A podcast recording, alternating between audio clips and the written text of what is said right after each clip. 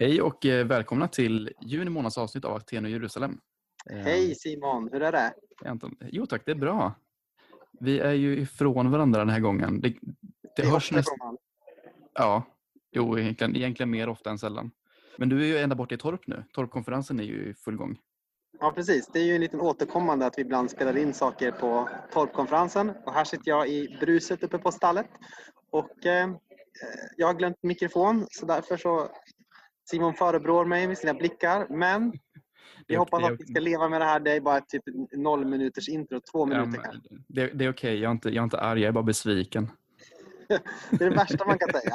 Det är det värsta. Nej, men Du det, sitter du sitter vart du sitter du? Är du i eh, jag sitter i en stuga i Byrum.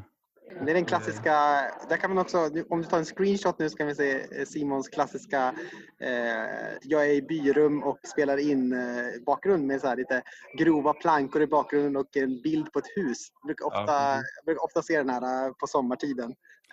Ja, men det, det är, lite, det är en, eh, en bäddsoffa i en gäststuga som jag ofta brukar sitta på när vi spelar in här borta.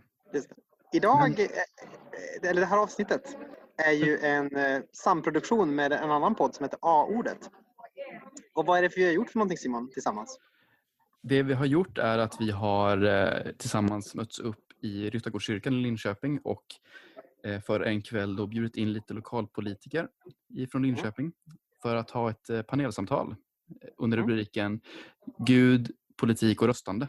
Ja, Prata om ja, hur ser vårt drömsamhälle ut? Vad har kyrkan för plats i detta samhälle? Vi rör lite heta frågor som detta med om fair trade och svensk vapenexport och vapenhandel. Och, eh, ja, flyktingpolitik också. exakt. Och det hela avrundades också med att, eh, att eh, vår publik då fick via Mentometer då, rösta på vilka de tyckte vann för kvällen då, och istället bilda ett parlament då, i det här. Precis. Och det var ska vi säga resultatet eller kan nej, nej, det, det, det, kan vara, det kan vara en liten cliffhanger tänker jag. Ja, men, det, det, det eh, var i alla fall tre partier som man presenterade, representerade. Det var ju Miljöpartiet, det var Socialdemokraterna och så var det Kristdemokraterna. Men också även då, eftersom det är med A-ordet, så eh, var Alice dels med som utfrågare och så Jonathan Wiksten var med som representant för anarkisterna eh, som ett påhittat parti. Eh, Ja, ett riktigt wildcard i sammanhanget. Verkligen. Eh, Så vi hade också ett anarkistiskt perspektiv på den här partiledardebatten, vad vi ska kalla den. Det är, det är nog inte alla som har så här i valår. Nej, nej det tror jag inte. inte alla. inte alla. Eh. Långt från alla faktiskt. Vi har inte klippt supermycket i det här avsnittet utan vi låter det vara live, eh, ganska live. Eh, Vi har en del där vi pratar om utopier eller hur vårt dröm- drömsamhälle skulle vilja se ut. Eller de här. Ja, precis. Alla fick några minuter på sig att beskriva hur ser ditt drömsamhälle ut. Men eh, jag vet inte, en liten, en liten viss kritik vi kanske riktar mot dem är att, Ja. att alla är lite så här, var mest bara typ som nu fast lite mer. Det var inget som var så radikalt annorlunda och kanske Man kan väl säga så här att, eh, att eh, ingen vill måla upp en bild av ett drömsamhälle. Sådär. Och det är väl på något sätt någon sorts bild av eh, ideologiernas död. Då. I och för sig kan man tänka att Jonathan eh, eh, har ju kanske en anledning att inte måla upp ett drömsamhälle på någon sorts icke-hierarkiskt tankesätt. Men eh, resterande vill ju inte måla upp en annan bild av ett samhälle, någonting annat vi kan tro på. Jag tänker ibland på det jag tror att det var Björn von Sydow som pratade om det eh, i Europapodden som jag lyssnar på ibland. Mm. Att EU är en polity, alltså utan politics, alltså en beslutsfattande grej utan politik, utan man bara fattar massor med beslut som liksom påverkar massor med människor men det sker ingen politisk debatt.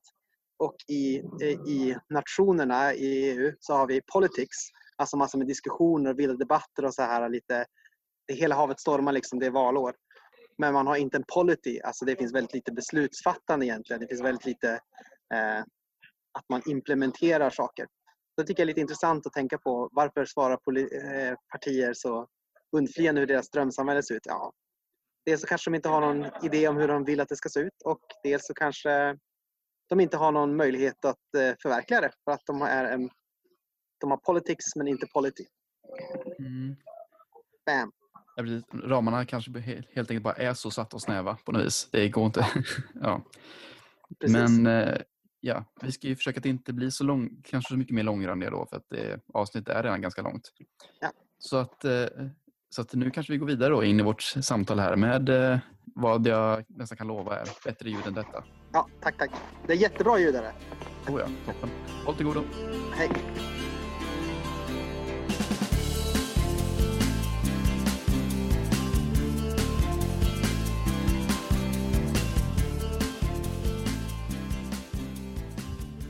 Hallå!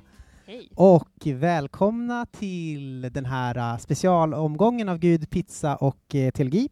Jag heter Anton och jag är pastor för unga vuxna i den här församlingen och det här är, Alice. vem är du? Eh, Jag eh, är nästan beteendevetare och poddar i en podd som heter A-ordet tillsammans med Jonathan. Och eh, jag poddar ju tillsammans med Simon som hukar sig där, nu hukar han sig inte längre, eh, i en podd som heter Aten och Jerusalem. Så ta fram era respektive podcastapparater och eh, prenumerera. Mhm. Mhm. Vi kommer kontrollera det här sen. Nej. Precis. Idag har vi något så fint som en eh, liten, eh, mm, ja, vad ska vi kalla det, valdebatt har vi. Eh, och vi har fyra olika perspektiv här, eller fyra olika partier och eller perspektiv representerade. Eh, ska vi börja från mitt vänster kanske, eller vad tror du? Ja. Jonathan heter jag. Jag poddar tillsammans med Alice i podcasten A-ordet. Den handlar om mötet mellan kristen tro och anarkism och idag så står jag här som eh, kristen och anarkist. Eh, anarkism har ju ingen partilinje. Det finns, eh, finns inte en organisation. Det kan finnas olika organisationer och olika sammanhang, nätverk med mera. Men eh, det betyder också att det jag säger, det står bara för mig själv. Eh, det är inte säkert att Alice håller med mig trots att vi gör podd tillsammans, utan det är mina åsikter och så kan man tänka som anarkist, men det finns också många andra sätt att tänka som anarkist. Det. Och det tänker jag är viktigt att säga. Men hur relaterar din tro till ditt politiska engagemang? Eller gör det det? Eh, jag skulle säga att de två förstärker varandra, eller eh, min tro är anledningen till att jag vill vara politiskt engagerad och jag är politiskt engagerad för att jag är troende, så att jag har väldigt svårt att separera de två från varandra. Eh, och sen, det kommer vi komma in på lite mer sen också. Just det. Precis. Ska jag köra en andra introduktionsfråga då? Ja, kanske. Vi har en fråga till faktiskt innan vi går vidare till nästa paneltagare. Och det är, jag tänkte fråga om du tror på nationen? Eh, nej, är väl det enkla svaret på den frågan. Alltså, eh, jag tror att nationen i sig själv, eller i grunden, är en exkluderande gemenskap eh, som gör skillnad på människor på ett sätt som är artificiellt eller konstruerat. Det finns egentligen inga nationer som så, utan det är någonting som vi människor har hittat på. Eh, I vissa fall har det organiskt växt fram. I andra fall, som i Sverige, så är det en kolonialistisk process som har tvingat in folk i en nationsgemenskap, många gånger genom ett ganska omfattande våld. Eh, så att det här är inte, alltså jag tänker att det är ganska tydligt att nationalism förstärker olika förtrycksmekanismer på ett sätt som jag verkligen inte kan ställa mig bakom eller lita på på något sätt. Just det. Vem är det här till eh, vänster? Vad blir det? Ja. Mm. Jag heter Erika Nordin, jag är socialdemokrat. Eh, jag är 23 år, kommer från Åtvidaberg eh, och eh, jag har varit eh, sosse sedan 2011, varit engagerad i SSU ganska mycket. Idag så är jag eh, riksdagskandidat för mitt parti, vilket känns jätte- jätteroligt. Jag sitter också i kommunfullmäktige hemma i Åtvidaberg. Eh, pluggar lärare på universitetet vanligtvis. Eh, just nu så är jag anställd valombudsman för partiet och eh, ska jobba med valrörelsen fram till september. Det är väldigt kul att få vara här. Är det någon Mm. som är från Åtvidaberg? Give it up for Åtvidaberg! Nej. det var... De kan bara skrika ändå. Ja, ge dem lite cred. Eh, just Men vi står ju ändå i en kyrka och eh, pratar om det här. Eh, hur skulle du säga att eh, din eventuella tro eller eh, eh relaterar till ditt politiska engagemang? Ja, eh, jag är inte troende i dagsläget. Eh, jag är konfirmerad och eh, har varit eh, aktiv inom kyrkan för ganska många år sedan. Men i dagsläget så är jag inte det. Eh, så just eh, vanligtvis brukar jag inte koppla ihop eh, ja, mitt politiska engagemang med mitt troende engagemang. Eh, men jag tycker absolut att eh, man kan göra det. Men eh, just på personlig nivå så ingenting. Kanske lite andra övertygelser som Ja, absolut. Men det är inte så att jag har någonting emot religion. Just det. Mm. Hur tror du på nationen eller så? Eh, nej, det gör jag väl inte. Jag tror Ingen väl som tror på snarare- nationen? Jag tror väl snarare att, att eh, Sverige eller alla andra länder är en pusselbit av, av hela världen och att vi är världsmedborgare. Just det. Men att vi eh, också kan vara eh, vem man vill i världen Mhm. och att eh, det finns länder som man väljer att bo i. Absolut. Just det. Och eh, här har vi Birgitta Rydhagen heter jag. Jag är miljöpartist, sitter i kommunfullmäktige och eh, jag är också gruppledare och kommunalråd, det vill säga jag är politiker på heltid i Linköpings kommun med ansvar för jämställdhetsfrågor, eh, utförande av omsorgsverksamhet i kommunen, Mm. bland annat. Jag är också forskare och, och lite annat Just det, i- fritid. Nämn, eh, nämn fältet. Va, det, det är ett superroligt fält. Eh, ja, men jag har, eh, jag har forskat i 20 år inom genus och teknik eller feministisk teknovetenskap. Alltså feministisk forskning på teknisk högskola. Är det någon som uh, give it up tech, eh, feministisk teknovetenskap? Nej, det var lite svagt, svagt där. Det var ungefär, lite bättre än Åtvidaberg. Ja, vi kommer igen, vi kommer igen.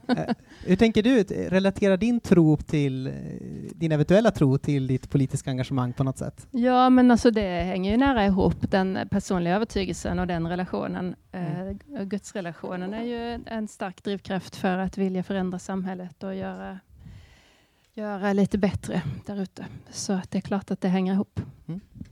Och nationen då? Tror du på den också? Ja, men alltså nationen är ju en väldigt preliminär institution som vi använder för att kunna organisera saker och ting. Eh, så det kommer ju förändra, det fortsätter ju förändras. Det, liksom nationsgränser har ändrats och flyttats, så det bevisar ju sig bara. Eh, vi använder nationen för att kunna strukturera sjukvård och skola och liknande, men den är ju ganska artificiell i grunden, så är det ju. Eh, Eh, jag kan nämna också, om det är någon här som sitter och undrar var sitter Sara Skyttedal någonstans, så är hon tyvärr i Warszawa. Eh, Men vi har en mycket bättre ersättare här. Vem är du? Jag heter Magnus Engström och är ordförande för Kristdemokraterna här i Linköping. Har varit, eh, jag är bara fritidspolitiker, många här är ju proffs som har sin försörjning. Det har ju inte jag, utan jag är ju lärare i grunden, gymnasielärare. Och eh, min lilla uppdrag är att jag sitter i fullmäktige, jättekul, och jag har en ersättarpost i bildningsnämnden. Så jag jobbar med, med gymnasiefrågor normalt sett. Just det. Så att eh, jag är fritid, en hederlig fritidspolitiker helt enkelt. Fritidspolitiker, det är ju de bästa politikerna. Eller det kanske det inte är, jag vet inte. De flesta politiker i alla fall. Ja, de flesta politikerna. Eh, Du kanske redan listat ut vilka frågor vi ska ställa till dig Ja. nu? hur, ja, precis. Hur relaterar din tro till ditt politiska engagemang? Jag tror att du är medlem någonstans i närheten här. Ja, jo, ja. jag har min hemvist här i Ryttargårdskyrkan så att eh, jag trivs ju här så att säga, hemma kan man ju säga, under många, många år. Så att, eh, ja, jag tror att det stämmer rätt så väl med eh, min politiska inställning, tycker jag. Egentligen i grunden så är det ju förvaltarskapsprincipen som begrundar min politiska övertygelse. Att vi är här för att förvalta vår planet tillsammans med våra djur och natur och inte bara roffa åt oss och ta ifrån den, utan vi har någonting att bygga vidare på till nästa generation och det är kanske det viktigaste att göra. Och förvalta det så gott vi kan är en viktig uppgift och vi har ju ingen teokrati än så länge, utan vi har en demokrati och det ska vi vara rädda om. Och då är det här med vi har som står till vårt förfogande så att säga, att jobba med det hela. Så att det är min grundinställning, att, att helt enkelt ha en förvaltarskapsprincip, göra så gott vi kan tillsammans och förvalta de Guds skapelse så gott vi kan så att han blir glad för oss och vi kan vara stolta över vad vi har fått och är tacksamma över den fantastiska planet vi har. Är du lite sugen på en teokrati eller? Eh, Ja, eh, eh, den tiden förhoppningsvis kommer, men än så länge är den ju inte här. Men den som lever får vi se. Mm. Är det, ska vi tolka det eskatologiskt eller? Fram med lite vanlig svenska så vi Ja, eskatologiskt betyder, är det någonting som vi ska se fram emot när Jesus kommer tillbaka? Eller? Ja, Ja. jag tror att det är det vi ska tänka på. Vi har Ja. ju en del eh, Bra eh, teokratier i världen och de kanske inte är de eh, mest fruktbara på planeten. Vi Just har det. väl Iran till exempel, och lite andra ställen. Ja. Kanske tar en mer förskräckelse. Just det. Eh, tror du på nationen? Jag tror på nationen eh, faktiskt. Och det är skälet att eh, det är nationen som gör att vi kan ha någon typ av rättighet. Så fort jag har en rättighet så är den ställd mot någon, eller mot något. Mänskliga rättigheter är ingenting som bara blir av, utan det är någon som kan ställa upp mot dem, så att säga. Sjukvård eller att se till att det finns ett rättssystem. Utan det så har vi ju inga rättigheter och då får var och en klara sig själv och då har man inget att klaga på heller om det skulle gå fel. Nationen skapar ju möjligheter till det och det är kanske det som är institutionen nation, att utan en nation så har vi inga möjligheter som garanterar några typ av rättigheter. Och det blir ju bekymmersamt. Vi har ju papperslösa i världen. De har ingen nation. Och om det vore så himla kul att vara papperslös så skulle naturligtvis fler vara det, men de flesta vill ju inte vara det på grund av att de har ingen som ställer någon säkerhet mot dem. Så att därför är ju nationen ett sätt att kunna institutionera någon typ av, av rättigheter för de människor som finns i det här geografiska området, kan man tycka. Ska man nog kunna säga att eh, om vi har en tydlig eh, skala härifrån, tror mest på nationen, tror lite grann, tror minst på. Eh, lite så, en sån. Eh, så då kan ni ha det som en skala att utgå från, Mm. tänker jag. Kör! Alice! Ja, vi ska fortsätta. Och eh, nu ska vi ta våran utopiska fråga. Eh, Utopi betyder drömsamhälle. Precis. Mm. Eh, och så därför är frågan, vi ska, ska vi köra också så här, vroom, samma, Ja, samma vända? kanske. Ja, men vi Eller börjar då. Ehm, kan ni inte bara beskriva lite kort, ni får inte prata jättelänge för att eh, det får ni inte.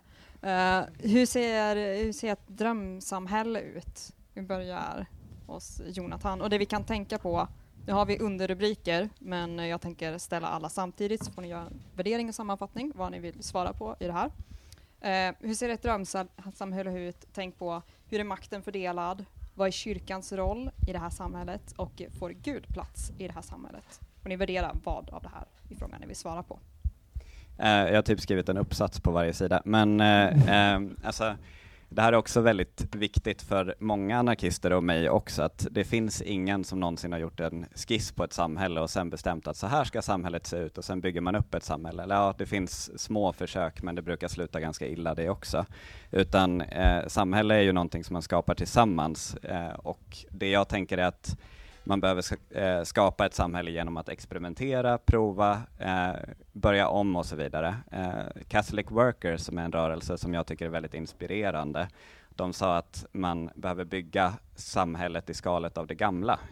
Eh, och det är någonting som jag tycker är väldigt inspirerande. Eh, jag tänker i mitt drömsamhälle att eh, alla har makt över beslut som berör dem i den utsträckning som de berör dem. Kan du ta lite närmare bara? Ja, förlåt. Ät, jag, tänk att ni ska äta upp mikrofonen så sp eh, Ja. spontant. Ja. Eh, Jag ska försöka. Ja.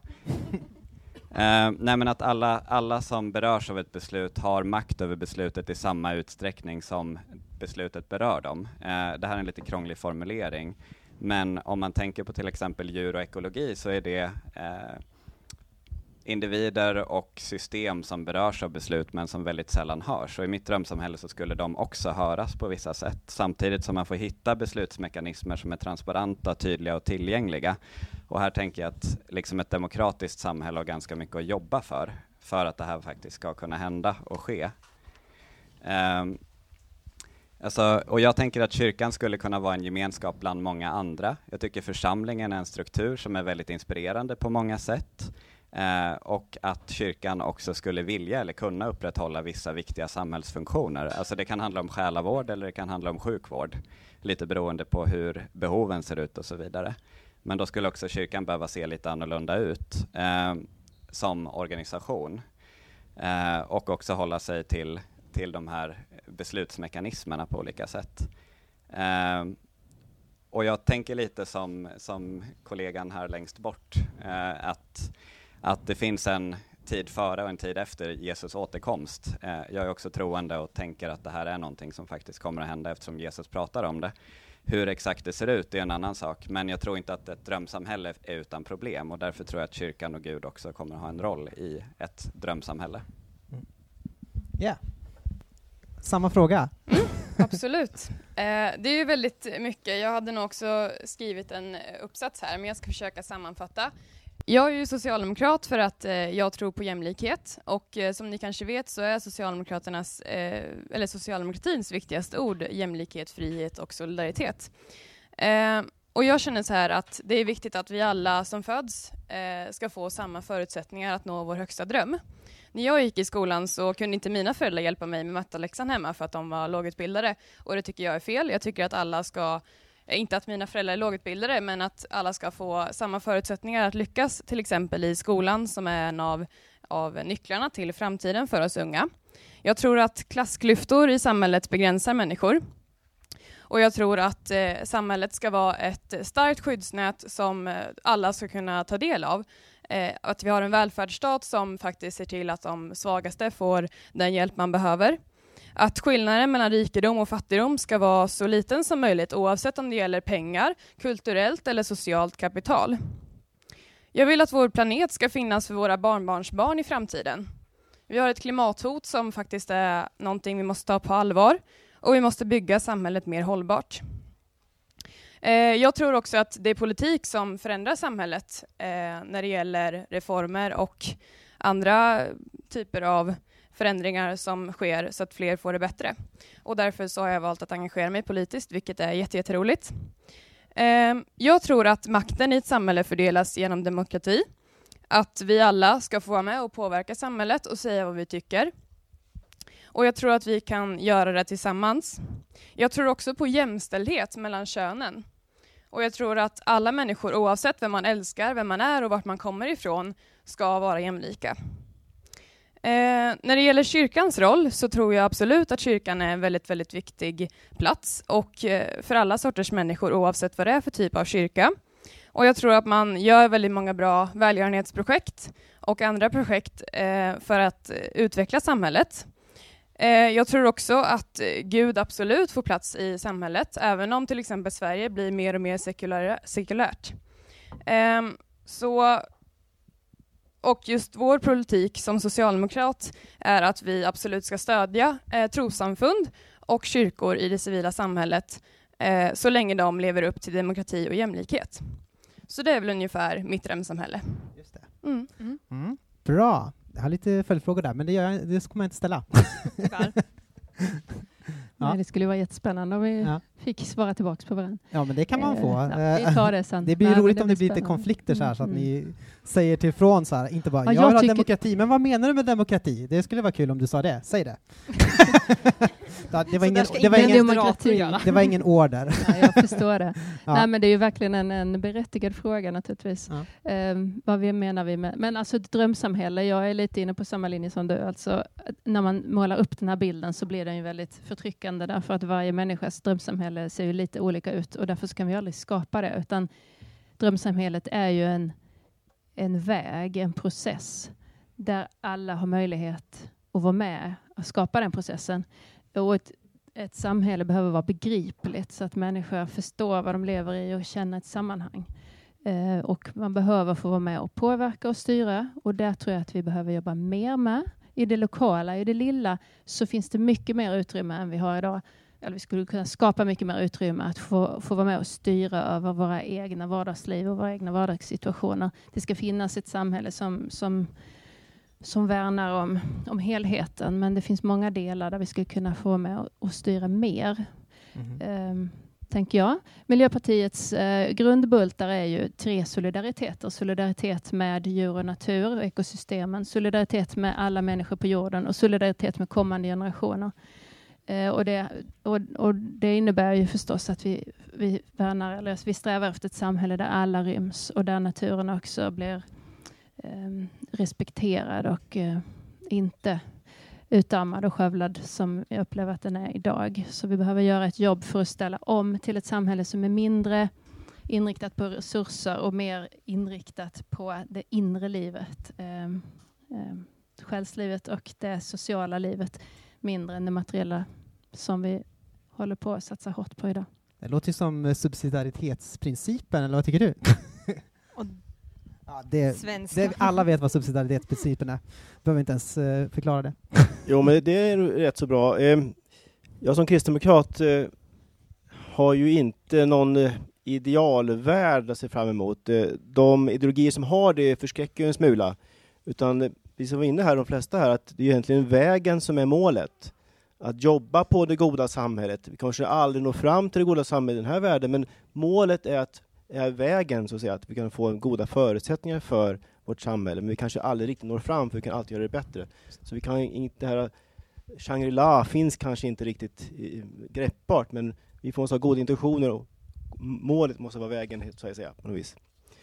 Eh, så det är viktigt. Men jag tror inte det finns någon, någon riktigt färdig form, utan vi måste jobba hela tiden förtrutet tillsammans. Varje generation måste vinna sina insikter. Det tror jag är viktigt. Och eh, när det gäller kyrkans roll i samhället så är, tycker jag att den naturligtvis är oerhört viktig. Den skapar en gemenskap, den skapar också en, en, eh, en betydelse för varje människa. Och vi har naturligtvis en jättestor drivkraft att hjälpa människor ute i världen, både nära och långt ifrån. Och egentligen är det väl så att både jag som politiker och, och kyrkan har ju egentligen ett stort uppdrag, och det känner jag då, även som politiker, som är, som är egentligen högre än själva politiken, till, kanske till och med högre än partiprincipprogrammet. Och det är att göra Jesus känd, trodd och efterföljd i mina ord och gärningar, försöka vara en god förebild och spegla det så gott det går. Det är i alla fall min intention, som, även som politiker. tror jag är viktigt. Och om Gud får plats i samhället, står en fråga här lite grann. Eh, det var en intressant fråga. Eh, den har ju ställts tidigare. Den ställdes framförallt till eh, en kille som heter Jürg Habermas. Känner du till honom? Ja ja. Eh, han hade en diskussion med Ratznick, den gamla påven. Han, då var han inte kardinal, var han kardinal. Och eh, Habermas är ju från Frankfurtskolan, är marxist kan man ju säga egentligen, va? och ateist. Eh, om ni känner honom väl, så är han det. Och Ratznick var ju kardinal, så han hade väl inte någon typ av tro, kan man tänka sig. Och de var rörande ense att eh, Gud har en viktig plats i samhället. Lite från olika synvinklar. Eh, Ratsnik, för han tror på Gud, självklart. Och Habermas säger att ja, jag kan inte säga någonting om, jag tror inte på Gud, det vet jag inte riktigt mycket om, det är ingenting jag kan forskat i. Men det är oerhört viktigt att folk och samhället tror på den. För det är den enda som kan säkerställa mänskliga rättigheter. För det är ju bara ord. Någon utöver mig måste kunna säga det som sägas. För det kan jag inte hitta på själv. För om vi själva hela tiden ska hitta på vad vi tycker är rätt och riktigt. Det hade ju Hägerström, en filosof i Uppsala, så att allt är relativt. Så kan vi när som helst förändra det. Ja, mänskliga rättigheter gäller oss, men inte dig. Ja, det, det, var spännande. Ja, det är spännande. Så att jag det, tror att det, Gud... är ju, också ett perspektiv. Man kan ju säga att Dostojevskij har eh, andra åsikter. Det, finns ju, eh, nu har jag inte så här, eh, källan klar för, för mig exakt var det kommer ifrån, men eh, sägs att så Dostojevskij fick, eh, eller har skrivit om, om, frågan om så här, eh, eh, i en värld så här, där Gud inte finns så är allting så är allting tillåtet. Eh, att han reagerar på det påståendet och menar att nej, det, det stämmer inte. I en värld där Gud finns så är allt tillåtet därför att du kan skylla eh, allt på Gud, liksom, att Gud sa åt mig att göra det här så därför är det tillåtet. Liksom. Mm. Så bara kontra det perspektivet. Ja, existentialistiskt syns att man har ett personligt ja. ansvar, det är kanske det han jobbar på lite grann. Ja. Föregångaren till existentialismen. Eh, ja, visst. Men vi ska nog dra vidare i Precis. Eh, men. Ja. Egentligen skulle det vara intressant att fråga, är drömsamhället ett Sverige på crack, alltså ett lite bättre Sverige, eller är det någonting helt annat? Men det, vi, det kan vi ta en annan gång. Det kan ni fråga alla de här personerna efteråt. Ja, precis. Ja. Ja, men om vi då äh, gör en brygga, för nu har vi pratat väldigt mycket om, äh, om, om Gud ändå och äh, ett samhälle efter Guds ingripande och sånt. Men om vi nå backar tillbaks lite och eh, pratar om er verklighet som en del av er är politiker och eh, så här, kan man eh, dra in Gud i politiken på det sättet? Om ni står liksom eh, i kommunfullmäktige med en motion, kan, kan ni använda Gud som, som argument? Liksom då? Eh, är det rimligt eller inte? Skulle man till exempel kunna säga så, vi, vi stänger, nu kan inte ni som lokalpolitiker kanske göra det, men vi stänger alla butiker på söndagar, för Gud vill det. Skulle man kunna säga en så, skulle man kunna hålla ett sådant argument i, i riksdagen? Jag tänker vi kan börja med Erika som ja bara för att jag tror det blir spännande. ja, eh, det är väl klart att man får använda det om man vill det och eh, om man är folkvald, eh, som vi politiker faktiskt är, så, så har man väl såklart rätt att eh, dra vilka argument man vill i talarstolen. Eh, men problemet är ju hur valida de här argumenten är Eh, och eh, om man då kan göra kommunpolitik till något religiöst. Oftast mm. så kanske det inte är det. I alla fall i de åren jag har suttit i kommunfullmäktige så har det inte varit någon som har sagt något religiöst argument. Och jag vet inte hur, hur effekten skulle bli av ifall någon använder det. Det skulle bli besvärad stämning kan man tänka sig, att man vrider sig lite i kommunfullmäktigestolen. Ja, men jag tror helt ärligt det, tyvärr. ja. eh, för att människor gör skillnad på samhälle och eh, religion idag. Mm. Eh, I alla fall i de eh, forum jag har varit i. Mm. Men jag tror absolut på religionsfrihet och jag tror på människans frihet. Så vill man använda religiösa argument så absolut. Men jag vet inte hur, hur det skulle bli. Det är mitt svar. Mm. Spännande. Vi Eh, kontrar bara ja. över till KD då, så får vi Ja. jättemycket polemik här. ja, precis. Nej, jag tycker att det var ett eh, klokt svar. Det är väl så att eh, man försöker använda all retorik som man kan, som man tror kan vinna över eh, poäng, så man kan få övertyga människor att det här är en bra idé. Skulle man kunna säga så här, typ, det här säger du bara för att du är en hedning, liksom. Ja, just den frågan här på söndagar, då får man ju se vad vinner vi, vad förlorar vi på det hela lite grann. Vi vill ju ha öppet och sälja så mycket som möjligt. Vi kanske skulle haft en köpfri dag, söndagen kanske är en bra dag. Eh, Det finns mycket andra aspekter man kan lägga in i det hela än att bara köpa. Men idag är det många människor som jobbar väldigt lustiga tider och kanske är lediga just på söndagen och har tid att handla. Så det är mycket aspekter. Jag vet Norge, hur har de det? Eh, Ja, eh, köpfri dag på Ja, söndagar. så, det finns ju. Och vi var inte så länge sedan vi hade det i Sverige heller för övrigt, så det är inget som är konstigt egentligen, utan vi har bara tyckt att det är att köpa saker är mer spännande än att ha en köpfri dag eller ha en helgad dag eller liknande. Utan vi har, Mm. värdesätter konsumtion mer än, än det andra kanske, i Sverige. Marknaden får lite mer utrymme. Mm. Vad säger du? Nej, men jag skulle faktiskt säga nej. Aha, Eh, konflikt. Därför att, Mm. därför att Sverige ändå faktiskt är ett sekulärt land. Eh, jag tycker dessutom faktiskt att om min tro är, är en relation med Gud och jag tycker att i talarstolen pratar jag faktiskt inte om relationer. Jag pratar inte heller om mina barn och deras lärare och deras farmor. Och det, är inte, det, är inte drivkraften hur jag debatterar i talarstolen. Eh, jag, däremot så förekommer ju de debatterna ibland i talarstolen. För jag hade en motion som handlade om om man skulle gå Lucia-tåg, om det skulle vara, införas mer krav på att man faktiskt ska utsätta barn eller låta barn få delta i Lucia-tåg.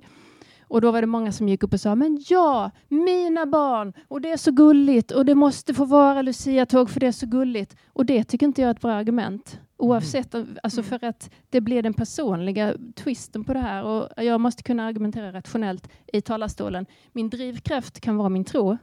Och, och det är den till stor del för mig. Men i talarstolen måste jag ju kunna förklara med olika rationella argument varför ska vi ha stängt på söndagar. Inte för att Gud har sagt utan för att vi tycker det, vi alla här. Därför att Och- Gud är rationell. Eller lite. Nej, men om Gud tycker någonting, då får han väl se till att vi Tycka tycker det det också i så fall. Eh, nej, jag tycker inte att jag i talarstolen kan använda hänvisning till vad Gud tycker. Mm, bra. Det skulle jag säga den klassiska svenska linjen. Eh, ja, det här är jätteroligt för nu får jag som anarkist gå i polemik lite här. Alltså jag, eller som kristen och anarkist. Det är väl mer som kristen kanske. Eh, men jag tänker också att alltså, om, om min partner skulle ha varit jude under andra världskriget, eller för den delen idag, så skulle jag utifrån min relation bli mer stärkt som antinazist. Eh, och det skulle vara viktigare för mig. Och då skulle jag också kunna ta med mig det till talarstolen i kommunfullmäktige och säga att jo, men min relation gör ju att jag är antinazist eh, med en större auktoritet eller en större trygghet i det. Och där tänker jag att min relation till Gud säger mig att jag behöver vila på söndagar. Då kan jag ta med mig det i talarstolen till kommunfullmäktige. Eh, men där kanske jag tolkar det lite fel också. ja svara du. Polemik. Eh, ja, nej, men om, om jag skulle ändå vilja hävda att jag skulle kunna arbeta lika kraftigt mot nazism och rasism utan att ha en relation personligen.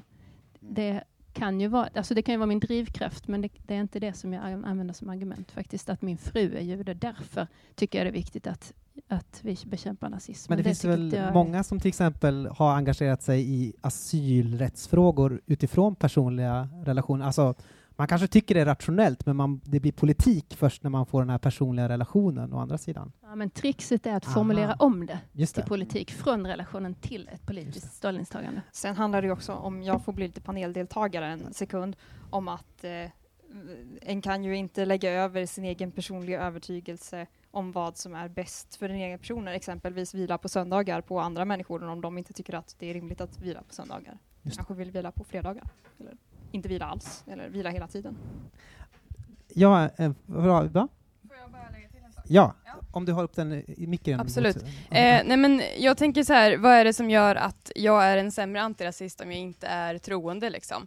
Eh, jag tänker att man kan vara det ändå, även om man inte är troende, för jag är verkligen antirasist. Men jag tänker också så här, om vi ska bygga en moské till exempel, eller en ny kyrka i kommunen, då kanske vi vill ha in någon från just det samfundet för att höra eh, deras argument om varför vi ska ha det. Och då kanske den personen i så fall får tolkningsföreträde, och det är en helt annan sak. Eh, jag ville bara lägga till det. Absolut. Tack. Det var nog lite mer vad jag menade och jag Ja. tänker inte att man är en bättre antirasist för att man är kristen. Det enda jag menar är att man kanske är lite bättre att vila på söndagar. Kanske. Det skulle vara tveksamt. Nu har jag en fråga som är lokal. Eh, för ni är ju lokalpolitiker framför allt eh, i lite olika eh, Eh, kommuner, i alla fall du är en annan kommun. Men det, det jag tänkte fråga, ni känner kanske till att Linköping har som sin slogan en fair trade city. Alltså en, eh, vad ska man säga, en rättvisemärkt stad kanske, eller en, rättvi, en, en stad för rättvis handel. Eh, och det undrar jag, vad, vad innebär det liksom som, som stad, att man har det som sin slogan? Skulle man till exempel kunna vara en fair trade city om man rent hypotetiskt till exempel exporterar krigsflygplan till Förenade Arabemiratet eh, som befinner sig i krig i Jemen eh, och där man liksom bombar ganska mycket, ungefär var tredje mål är civilt. Skulle man, är man en fair trade city, eller kan man kalla sig en fair trade city om man bedriver den handeln liksom inom kommunens eh, gränser? Geografiska gränser alltså. Vem vill börja med den frågan? Birgitta? Jag vill börja. Det är ju otroligt hypotetiskt att vi skulle göra det där Ja, ja, förstås. det, aldrig att det inte här. Nej, det, nej, det skulle, jag skulle inte kunna först. Nej, men alltså, eh, jag skulle väldigt gärna se att vi inte exporterar vapen och särskilt inte till krigsförande länder eller icke-demokratier. Absolut, det, det driver mitt parti ganska hårt, så det kan jag stå för. Men Fairtrade City är en väldigt specifik certifiering som handlar om det, hur produktionen sker där borta och det som vi köper hit Mm. och inte det som vi säljer dit. Alltså hur produktionen går till i andra länder. Eh, Så på det sättet så det är ju det som är och det är ju någon annan som har satt den stämmärkningen och inte Mm. Linköpings kommun själva. Så det är ett certifieringssystem. Mm. Eh, Så på det sättet så är det ju när vi köper kaffe, te och bananer som är rättvisemärkta enligt Fairtrade. Eh, Så därför så är vi ju det utifrån andras eh, certifieringssystem. Men man kan ju också tänka sig att eh, krig, om man exporterar saker till en annan plats så kommer det, export, så kommer det påverka exportförhållandena där. Definitivt. Nej, jag, jag ser gärna att vi politiskt strävar starkt efter att inte exportera vapen, men jag tror att mitt parti är i minoritet där. Just det. Ja, vad, tycker, vad tycker ni där borta då? Ja, jättekul att du frågar om Fairtrade City. Eh, jag har jobbat i en styrgrupp eh, för många år sedan med din kollega Annika Lillemets eh, och för att driva igenom att Linköping skulle bli en Fairtrade City och vi lyckades ju som ni ser. Det är jag är jätteglad för att jag lyckades med det med, tillsammans med ett litet gäng som gjorde det faktiskt och det är, är nog ett så trevligt Ja, Fairtrade City är ju egentligen en, ett sätt att få oss konsumenter att väga in lite olika typer av kvalitetskrav när vi ska köpa saker och ting. Många gånger pratar vi om att det som är billigt är bra.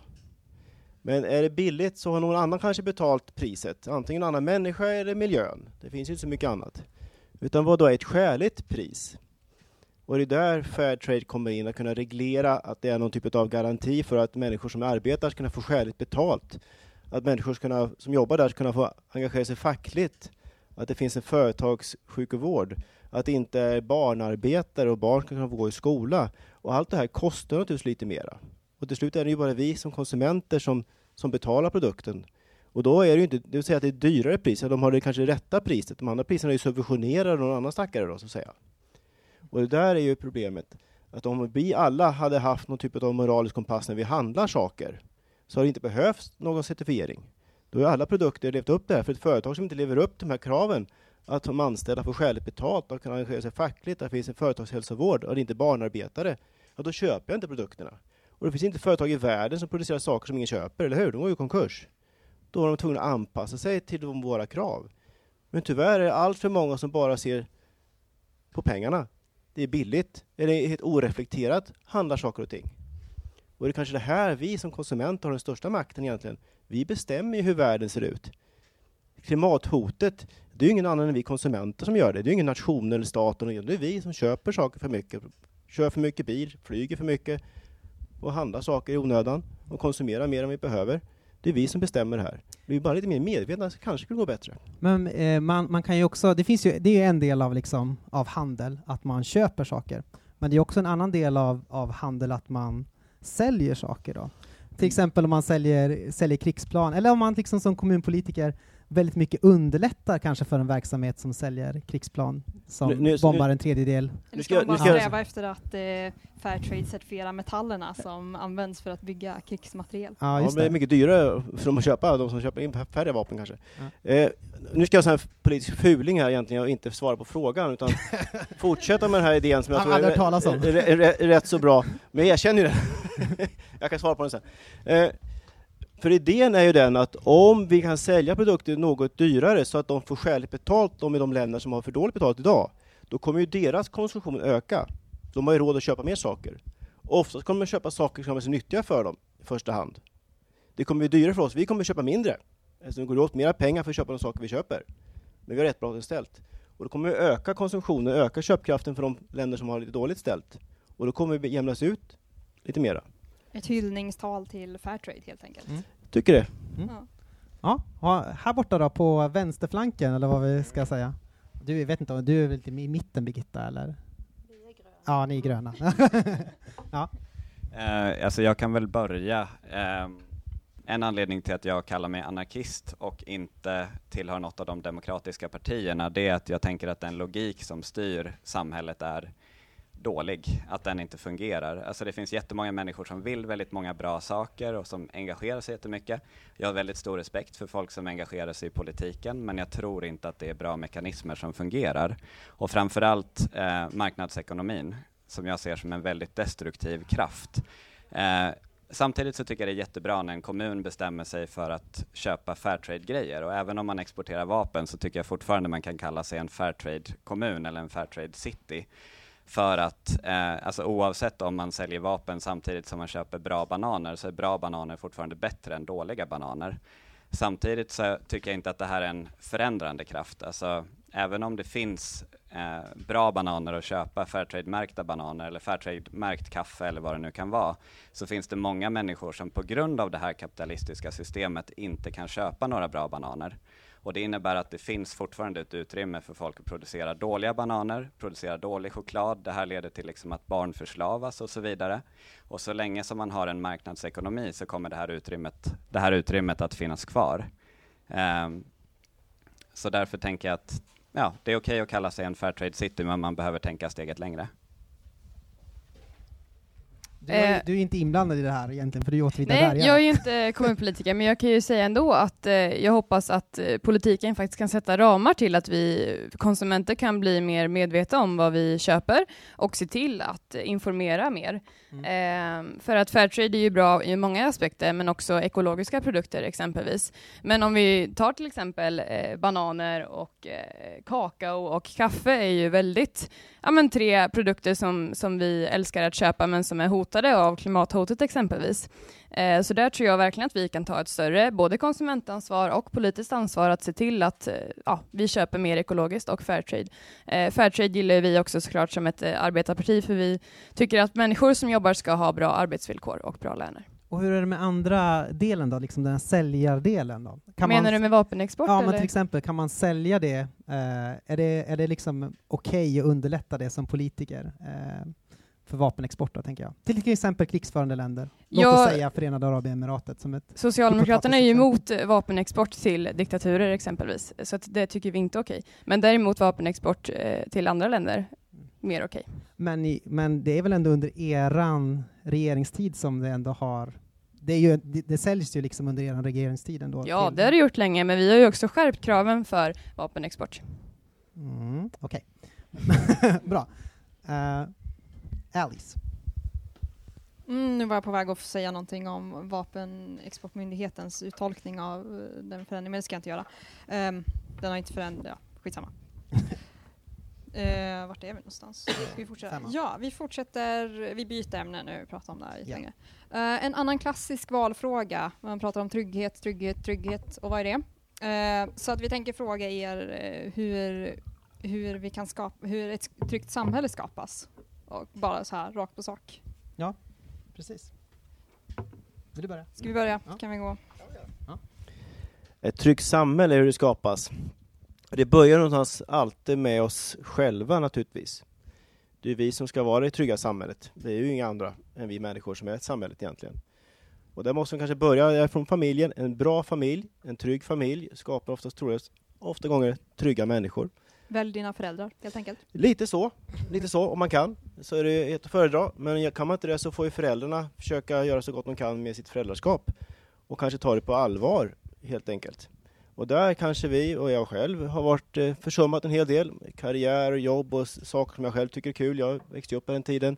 Kanske tagit lite för stor plats och man kanske har lite för lite tid med det som egentligen betyder någonting. För jag tror det är viktigt att tänka på att egentligen är det relationer som är det riktigt viktiga. Vi pratar om att relation till Gud är viktigt. Jag är inte särskilt religiös, däremot vill jag ha en, en, en relation. Och jag tror det är lika viktigt att ha relationer med människor, för det är det vi har kvar sen, naturligtvis. När vi gör räkenskapen kommer där så kanske våra relationer spelar roll. Bra relationer skapar trygga människor. Och trygga människor skapar ju trygghet i samhället. Mm. Det är inte så svårt egentligen. Så att egentligen är det så att det börjar med familjen, se till att familjen får bra förutsättningar att kunna leva tryggt så gott det går. Om det går fel, ja, då ska samhället gå in och stötta upp och hjälpa till så vi kan göra det i tid. Och gör det på rätt plats. Jag jobbar i skolans värld och eh, många barn mår inte så bra. Vi gör massa saker för att se till att barn mår bra. Det kanske är fel instans. Det är inget större bekymmer på barnen, utan det är kanske föräldrarna som mår riktigt dåligt. Och barnen är bara symptom på att föräldrar mår dåligt. Vi måste också våga gå in och hjälpa familjen när de har besvärligt, så barnen kan få må bra från början. Annars är det liksom att bara lägga plåster på någon som blöder. När de kommer tillbaka igen så mår de lika dåligt. Så vi måste kanske ha en helhetsbild för att få ett tryggt samhälle. Men börja med familjen, tror jag är bra. Eh, ett tryggt samhälle är ett samhälle där vi kan lita på varandra och där alla eh, har en plats och blir sedd. Eh, och det finns ju olika sätt att skapa det. Ett sätt är ju de nära relationerna i ens ja, vänner, grannar, familj. Eh, Men skolan har ju också en jätteviktig roll där att se barnen, se de unga. Eh, Och som kommun då och, och eh, politisk organisation är ju vår uppgift att eh, skapa stödstrukturer runt familjer, runt unga vuxna, runt barn. Eh, så att det finns arbete, sysselsättning, fritidsaktiviteter eh, och där alla blir sedda och har en, en uppgift. Det tror jag skapar ett tryggt samhälle. Min tur? Mm. Mm. Ja. Eh, återigen, kärnan för mig är jämlikhet och jag tror verkligen att ju mer jämlika vi människor är, desto tryggare blir det. Ehm, jag tror också det handlar om att eh, vi i vår vardag ska känna oss trygga. Eh, jag är administratör eh, för Facebookgruppen här i Linköping som heter Tjejer för tjejer, en Facebookgrupp med 10 000 eh, kvinnor. Och eh, vi eh, skriver mycket där om eh, otrygghet och eh, otrygga situationer som uppstår.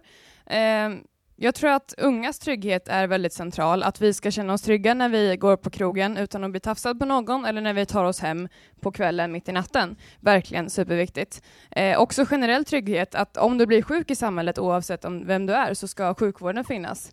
Eh, vi ska ha ett starkt välfärdssamhälle som tar hand om dem som inte klarar sig själva, men också att barn, precis som du sa, ska kunna växa upp tryggt.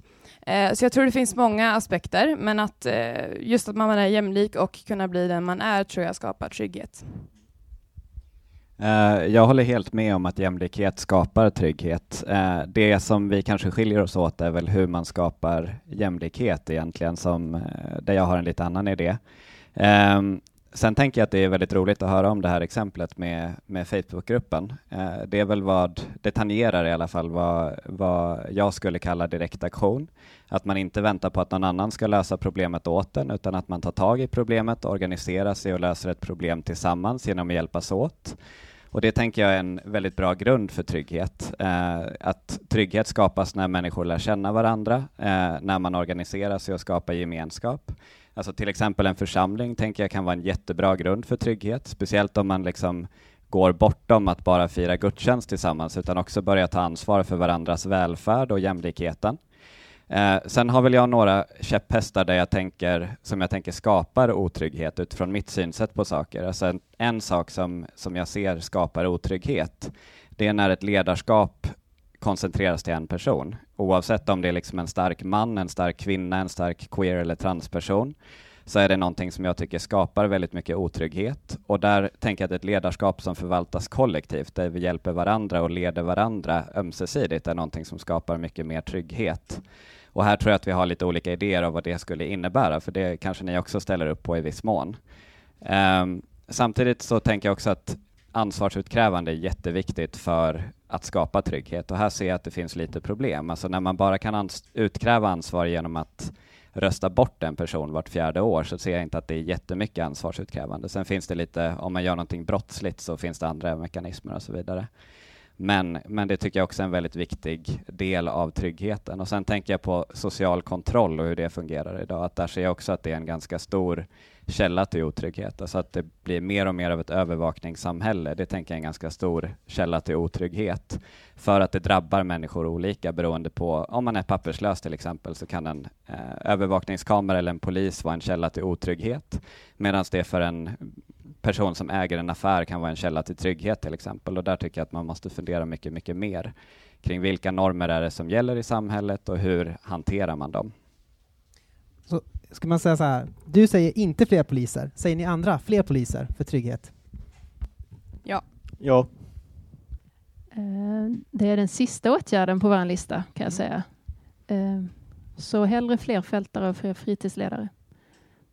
Får jag- Får jag kommentera på den? Okej. För att jag tänker också att eh, ett problem med poliser är just ansvarsutkrävandet. Att poliser är en kategori av yrkespersoner som där ansvarsutkrävandet inte fungerar. Eh, utan en polis kan komma undan med ganska mycket utan att ansvars, ansvar utkrävs. Och där ser jag ett ganska stort problem. Man har pratat om kåranda inom polisen som ett stort problem. Eh, jämställdhet inom polisen är ett stort problem, situationen för hbtq-personer med mera. Okej. Nu ska ni bara svara ett ord. Eh, och det är bajs eller godis. Bajs betyder dåligt, godis betyder bra. Eh, ska kyrkan vara politisk? Godis. Godis. Godis. Godis. Godis. Alla tycker godis! Applåd för godis. En mer restriktiv flyktingpolitik, bajs eller godis? Godis. Bajs. Bajs. Bajs. Aha! Mycket bajs, Här har vi en tydlig, tydlig konfliktlinje. Eh, här mer restriktivt, resten inte, ja, det var inte så tydlig konfliktlinje. Men Det, det är ju en fråga som kanske måste förtydligas en smula vad man menar med vad är flyktingar med det. Kan man tycka. mm, Men det här är en enordsfråga, så det Ja. kan man fråga dig om efteråt. precis. Eh, nej, men vi ska ta en sista fråga. Och nu går vi in på djupt och tungt och sånt. Och vi undrar hur vi ska prata klimatkris, för att klimatfrågan känns ändå som att det är en fråga som i alla fall jag tycker behöver ha tyngd i alla sammanhang, inte bara i valet utan eh, hela tiden. Så att ehm, ja, kommer våran civilisation gå under på grund av klimatkrisen och eh, vad ska vi göra? Ska vi bara köra rakt in i kaklet och eh, se vad som kommer ut på andra sidan eller finns det något vi kan göra för att eh, bromsa den här utvecklingen på ett realistiskt sätt? Vi kanske ska börja eftersom att vi ändå har ett miljöparti här. Ja, just det. Oj, nu började jag bli filosofisk bara för att ni andra har varit där hela kvällen. Civilisation, I våran civilisation, om den kommer att överleva klimatförändringarna, och det kan man ju fundera på. Eh, Jag tror att människan kommer att överleva, och det kanske var det som var frågan. Nej, det var faktiskt civilisation, Civilisation. kommer att överleva. Kommer Ja. det här sam, ungefär som det är nu? Samhället som vi känner det. Eh, Jag tror att det samhälle som kommer att finnas om eh, 200 år kommer att vara igenkännbart för de som lever då. För att förändringarna kommer att ske så gradvis. Så att vi kommer att klara, jag tror att vi kommer att klara förändringen. Men det krävs ett otroligt arbete. Jag tror inte vi ska köra in i kaklet och hoppas på det bästa. Utan vi ska verkligen göra allt vi kan. Och det kommer att krävas en del omställningar. Men jag tänker också att när jag, liksom jag flög min första flygresa, då var ju jag över 20. Det går att leva utan att flyga liksom en gång om året. Det går att leva utan att äta så mycket kött som vi gör idag. Det är liksom inga stenåldersliv vi ser framför oss. Och vi kommer få ny teknik. Det utvecklas jättemycket ny teknik. Så det finns alla anledningar att fortsätta anstränga sig Mm. och göra mycket mer än vad vi gör. Men jag tror inte det kommer att vara en, en sorglig värld vi, vi ser framför oss. Jag röstar ju för Amish-alternativet och att alla kör omkring häst och vagn och så. Är det Mm. bara för att du tycker att de har fina hattar? Delvis. Häng- Hängslen och, och likadana byxor, de är väldigt likadana med varandra. Det är väl det lite, kanske lite inramande. Men de kanske är väldigt, eh, de, har, de har väldigt roligt inombords. Eh, Det beror på om du är man eller kvinna, ja. Ja, kanske. eh, vem vill fortsätta med klimatkrisen? Kommer civilisationen gå under? Alltså, jag har haft förmånen att studera under Simon Kvarlös som var eh, lärjunge till Arne Ness och djupekolog uppe i Tromsö universitet. Det är väldigt spännande faktiskt. Och, eh, jag började ju min bana egentligen som, som är ekofilosof och tycker sånt är kul att prata om sådana här saker. Och, eh, eh Hans Georg von Wright, om inte någon känner till honom, eh, var ju en civilisationskritiker egentligen och jag tror att han hade pinpointat rätt så exakt att det kanske inte är säkert att vi människor har den intellektuella förmågan att förstå vårt eget bästa.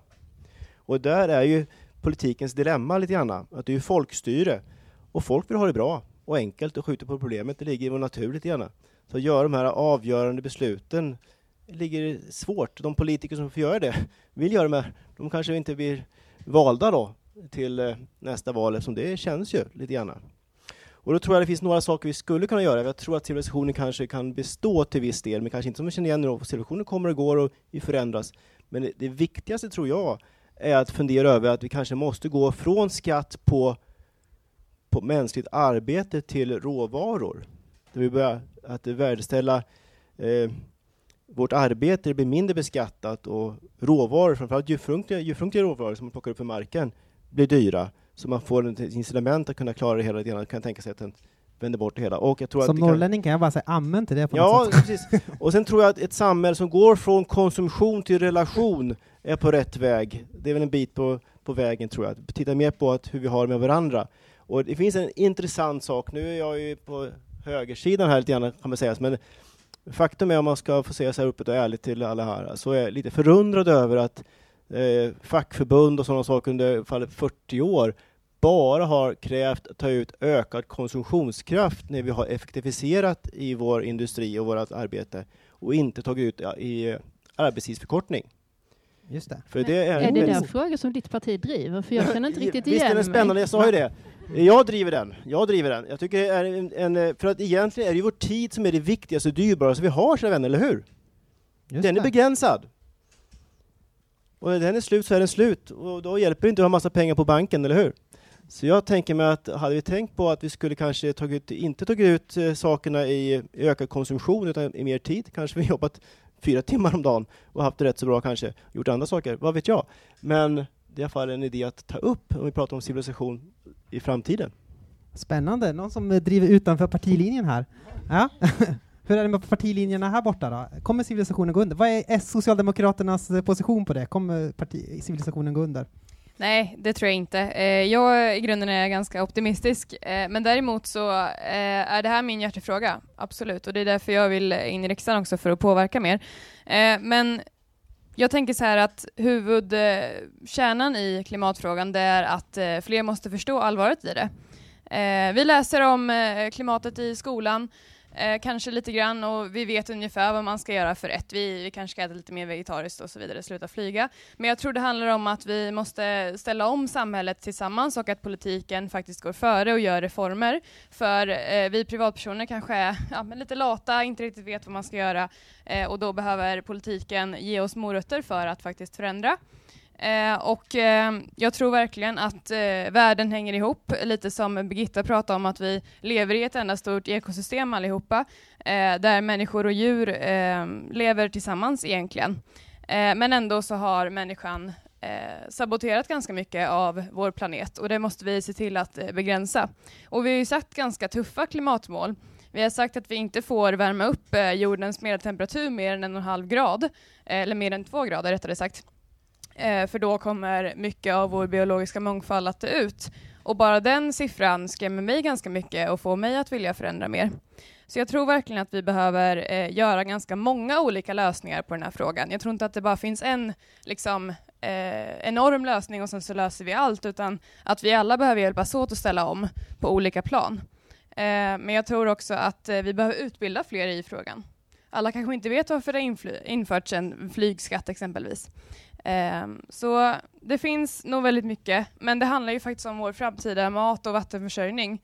Och det handlar om temperaturen och det handlar om liksom hela, hela vårt levnadssätt. Men som Birgitta också säger, det är ju inte stenåldern vi ska eh, gå till, utan att forskningen utvecklas hela tiden och tekniken utvecklas hela tiden. Så jag tror verkligen att eh, det kommer att lösa sig, även om det kommer bli mycket omställningar och eh, mycket problem som vi kommer att stöta på på vägen. Mitt Amish-alternativ är teknikfientligt. Eh, ditt Amish-alternativ är också lite funkofobt. Eh, om jag ska förklara vad jag menar med det så är det ju många människor som är beroende av hörapparater eller beroende av en permobil eller någon annan typ av teknik för att kunna eh, fungera som så som de vill fungera. Eh, som så så att det är ju viktigt att man ändå, alltså mycket av den teknik som finns bidrar ju med väldigt mycket samtidigt som den har ett pris. Alltså även förnybar energi släpper ju ut en hel del tungmetaller när man bygger vindkraftverk och solpaneler och så vidare. Så att det finns ju problem där också. Jag håller med om väldigt mycket av det som Erika säger. Och just när det gäller den här frågan så är jag lite osäker på om, om min anarkistiska linje håller. För att bygga ett nytt samhälle i skalet av det gamla, det tar väldigt mycket tid. Sen kan det vara så att eh, fortsätter vi på den vägen som, som vi är inne på just nu så kanske vi inte har något val. Eh, jag är väl lite mer negativ där till, till utvecklingen i framtiden. Alltså, nu i vår så uppmätte man en koldioxidhalt på 405 eh, parts per million och det här säger kanske inte så jättemycket, men för ett par år sedan, tio år sedan ungefär, så hade man målsättningen 350 parts per million. Nu är det här en skillnad mellan toppar och snitt, men det som är intressant är att det är ett rekord.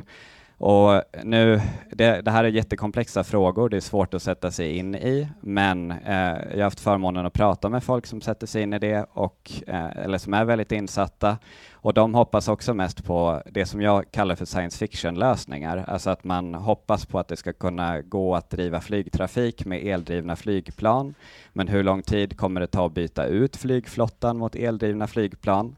I en kapitalistisk ekonomi så har man en massa viktiga möten på andra sidan Atlanten som man behöver flyga till och då köper man också de billigaste biljetterna även om de är business class, eh, etc. etc.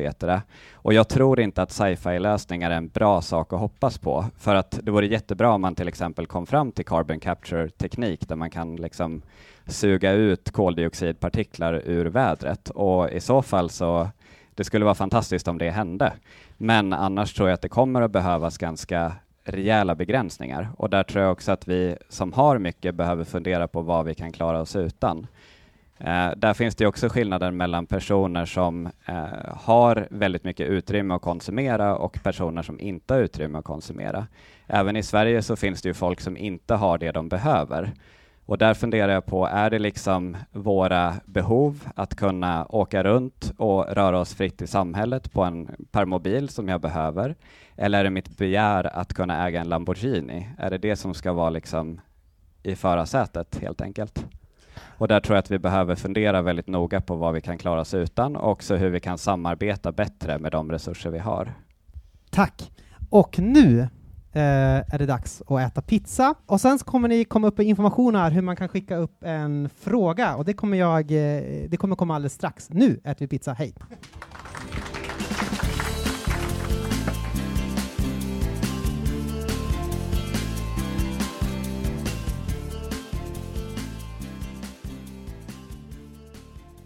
Så det här är folkets frågor. Det är ganska många frågor, så vi försöker hålla det ganska extra kort nu, tycker jag. Eh, att vi kan göra. Man kan säga att det är många frågor som har kommit in kring en fråga som vi har berört ganska ytligt, att ni fick svara bajs eller godis. Och det var alltså om, om flyktingfrågan och sådär. Vi kan, eh, det finns eh, här till exempel en fråga, den kan du ställa Alice, tänker jag. Mm. Nu bara läser jag härifrån. Ja. Eh, Det talas mycket om jämställdhet och solidaritet. På vilket sätt är det jämställt och solidariskt att skicka iväg våra asylsökande, till exempel afghanvänner, till ett land eh, de många gånger inte vuxit upp i och som är mycket osäkert? Säg något om flyktingpolitik. Mm. Och det står inte att den här eh, frågan är riktad till någon speciell, så jag vet inte. Så ni får svara lite...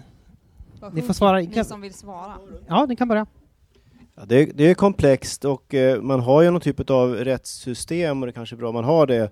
Så att de här, är de asylsökande och åker hem igen så har de ju någon typ, inte något av asylskäl. Det kan man utgå från om inte de har gjort något fel, det här Migrationsverket. Och det kanske de har gjort, det vet inte jag. Och eh, skicka hem något till något land där de inte kommer ifrån, det verkar ju inte vidare bra. För då har de antagligen sökt asyl i ett, ett annat land och då har de ju asyl där då möjligen. Och om de vill komma till ett annat land för de inte trivs där, då är de ju inte asylsökande, då är de immigranter och immigrerar de kanske. Jag vet inte riktigt hur det ligger till, men jag miss, det kan vara en misstolkning om man åker vidare. Jag törs inte säga det. Är det afghaner ni pratar om från Iran? Jag tror att den här frågan gäller personer som har ganska tydliga asylskäl. Många från eh, Afghanistan flyr för att de är hazarer och eh, utsätts för ganska grov diskriminering i Afghanistan. Och många Okej, blir tillbakaskickade då till exempel till Afghanistan när man kanske har nästan hela livet bott i Iran eh, för att man har emigrerat dit och sen så blir man deporterad till Afghanistan och kanske när man inte har någon familjeband så kan det också vara. Ja, det är ju komplext, det är synd naturligtvis. Eh, Alltså mitt parti har kämpat stenhårt, jättehårt under den här vårterminen för att hjälpa göra så att fler unga afghanska eh, och andra eh, asylsökande att kunna stanna, kunna fortsätta gymnasieskolan som har påbörjat. Det är jag väldigt stolt över. Och till exempel så har vi också fått igenom att Linköpings kommun låter ungdomar stanna under asylprocessen. Eh, Så där känner jag mig stolt över att vi har sagt nej, det är inte rimligt. Ja, jag håller med Birgitta. Eh, mitt parti eh, ska också rösta för att eh, ensamkommande ungdomar ska stanna tillsammans med Miljöpartiet och Centerpartiet och Vänsterpartiet. Däremot så ställer sig ditt parti emot det i eh, riksdagen, vilket är tråkigt. Men vi får se hur den omröstningen blir.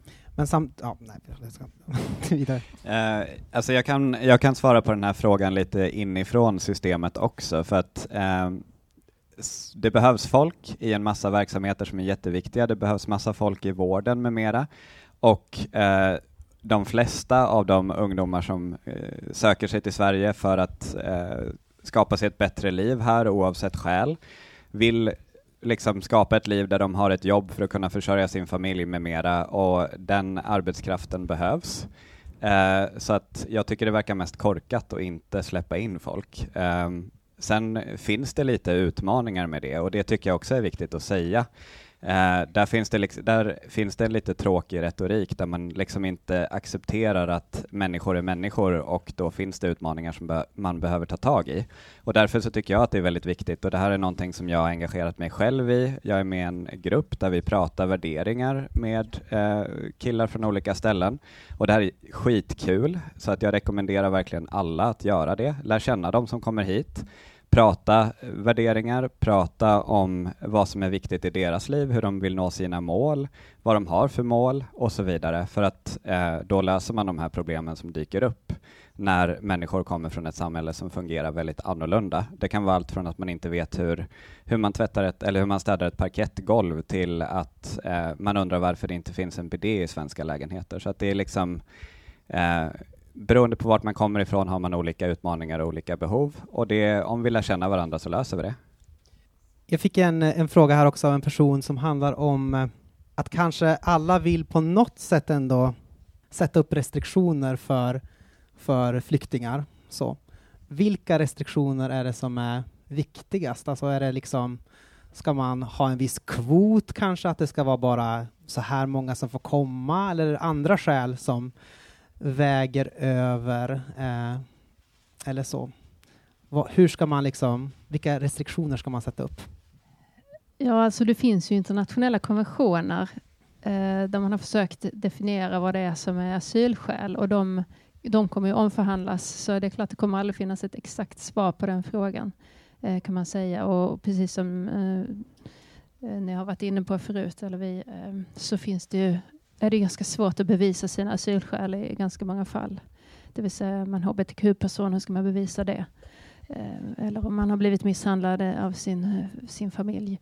Ehm, det är ju jättesvårt, så att det kommer ju ändå alltid behöva... Så jag tycker det är en jättesvår fråga. Det kommer alltid att, så länge vi har nationer, som jag var inne på precis i början av kvällen, så kommer nationerna att sätta upp de här gränserna och det är därför vi inte kan ha ett ex- statiskt nationsbegrepp. Vi behöver omförhandla de här etiska, moraliska reglerna. Mm.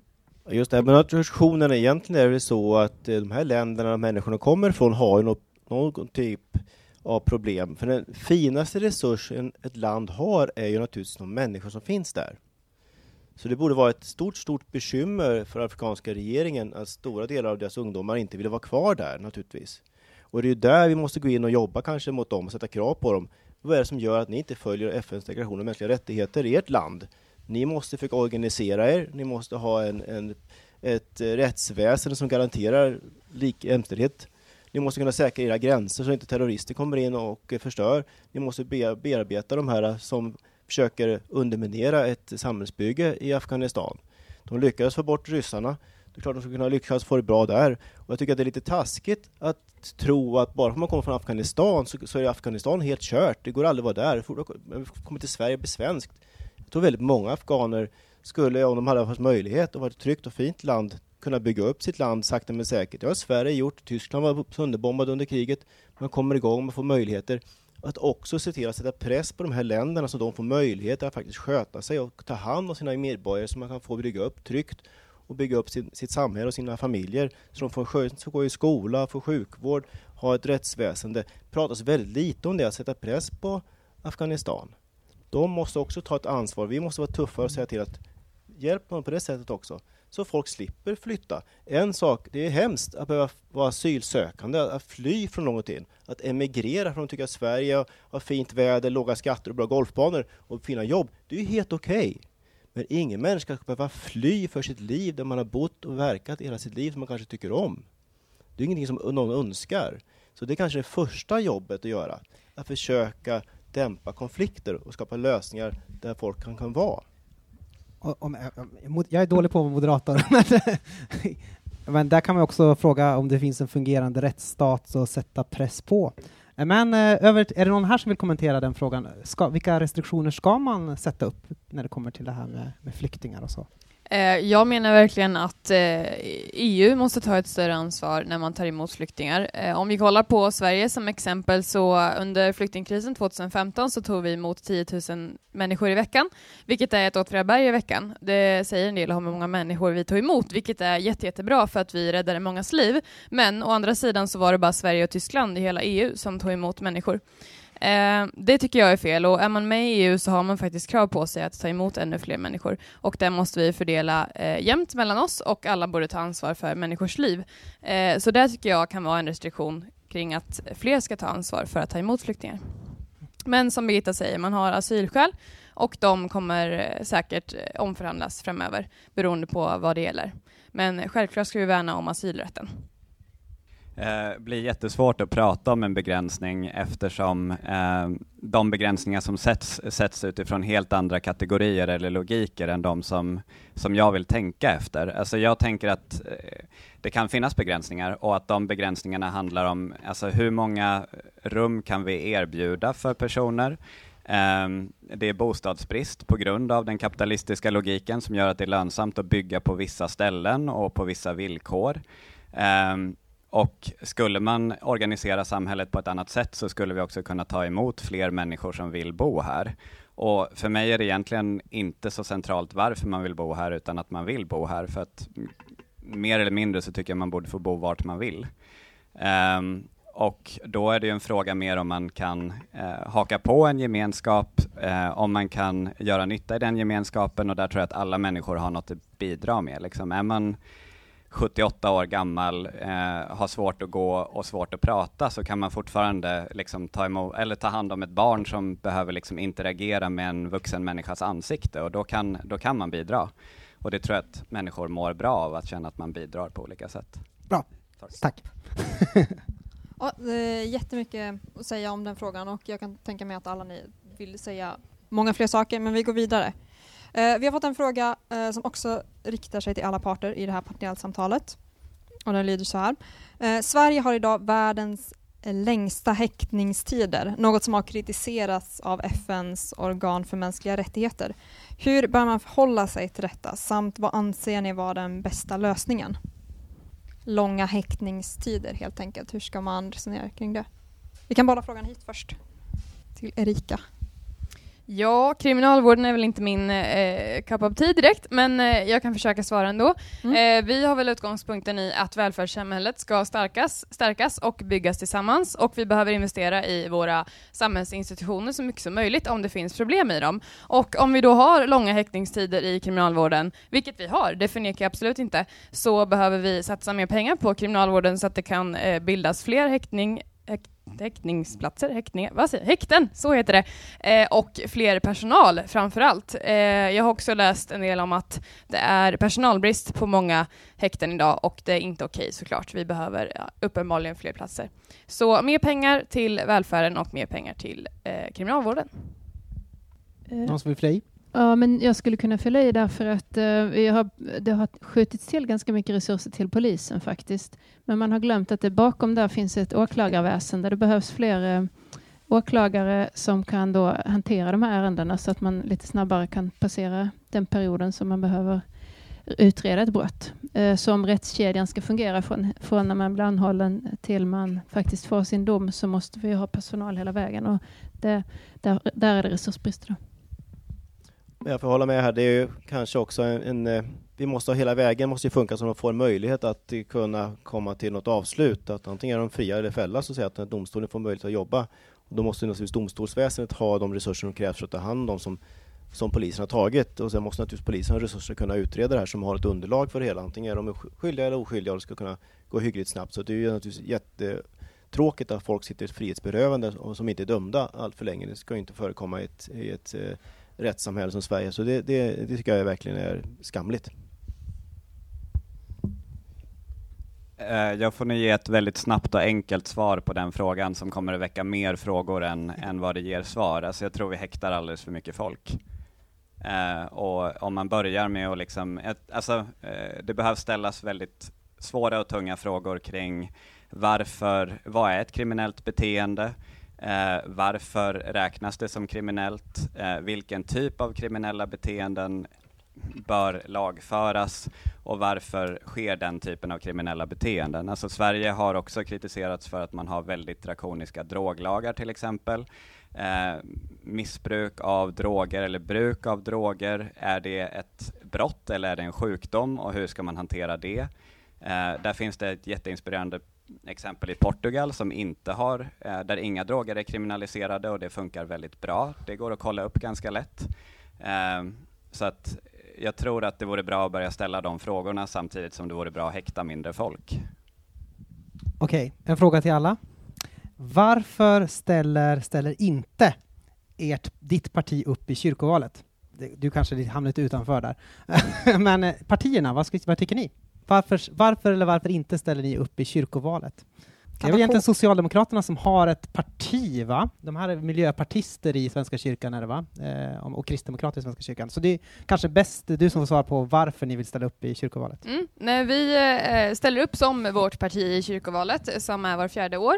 Eh, och jag vet inte hur länge vi har gjort det, men uppenbarligen ganska länge. Vi har väl synen på att kyrkan gör himla många bra saker och att det ska vara en viktig samhällsaktör i samhället. Eh, och därmed att det ska byggas på de principer om eh, ja, men människors alla, alla människors lika värde och demokrati.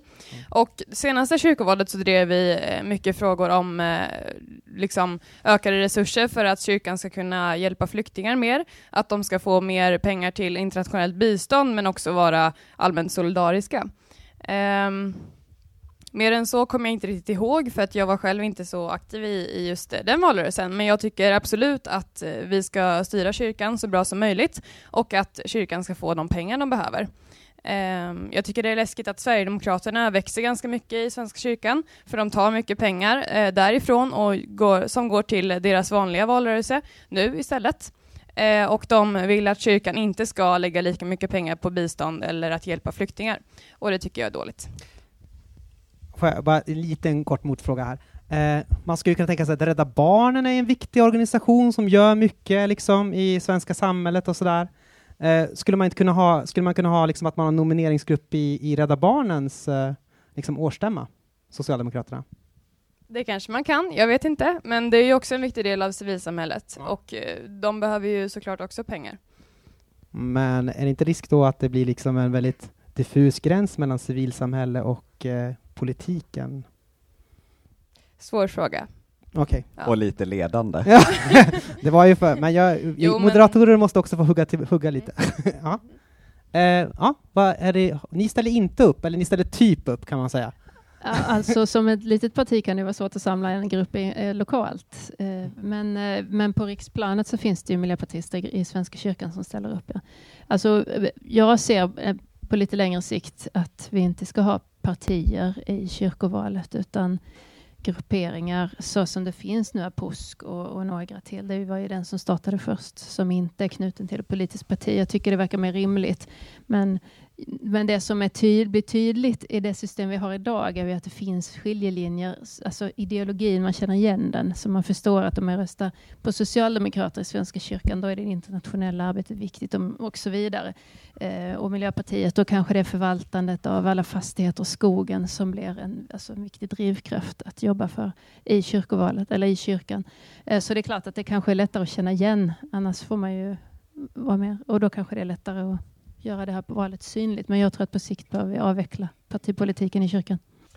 Ja, ja, lite kul att det är förvaltning av skogarna som är en viktig bit i det internationellt arbete. Jag tror att göra Jesus trotkänd och efterföljd är nog kanske den viktigaste biten för kyrkan att hålla på med. Och det är kanske det man ska ha fokus på att göra.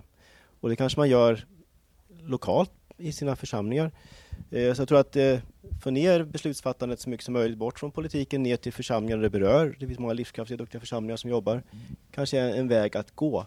Sen är det naturligtvis statsfinansierat väldigt mycket så att då måste demokratin också in lite grann. Så att det här är en svår sits.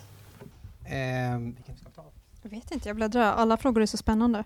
Det är många frågor till anarkisten, står det. Ja, vi kan ta en till anarkisten då.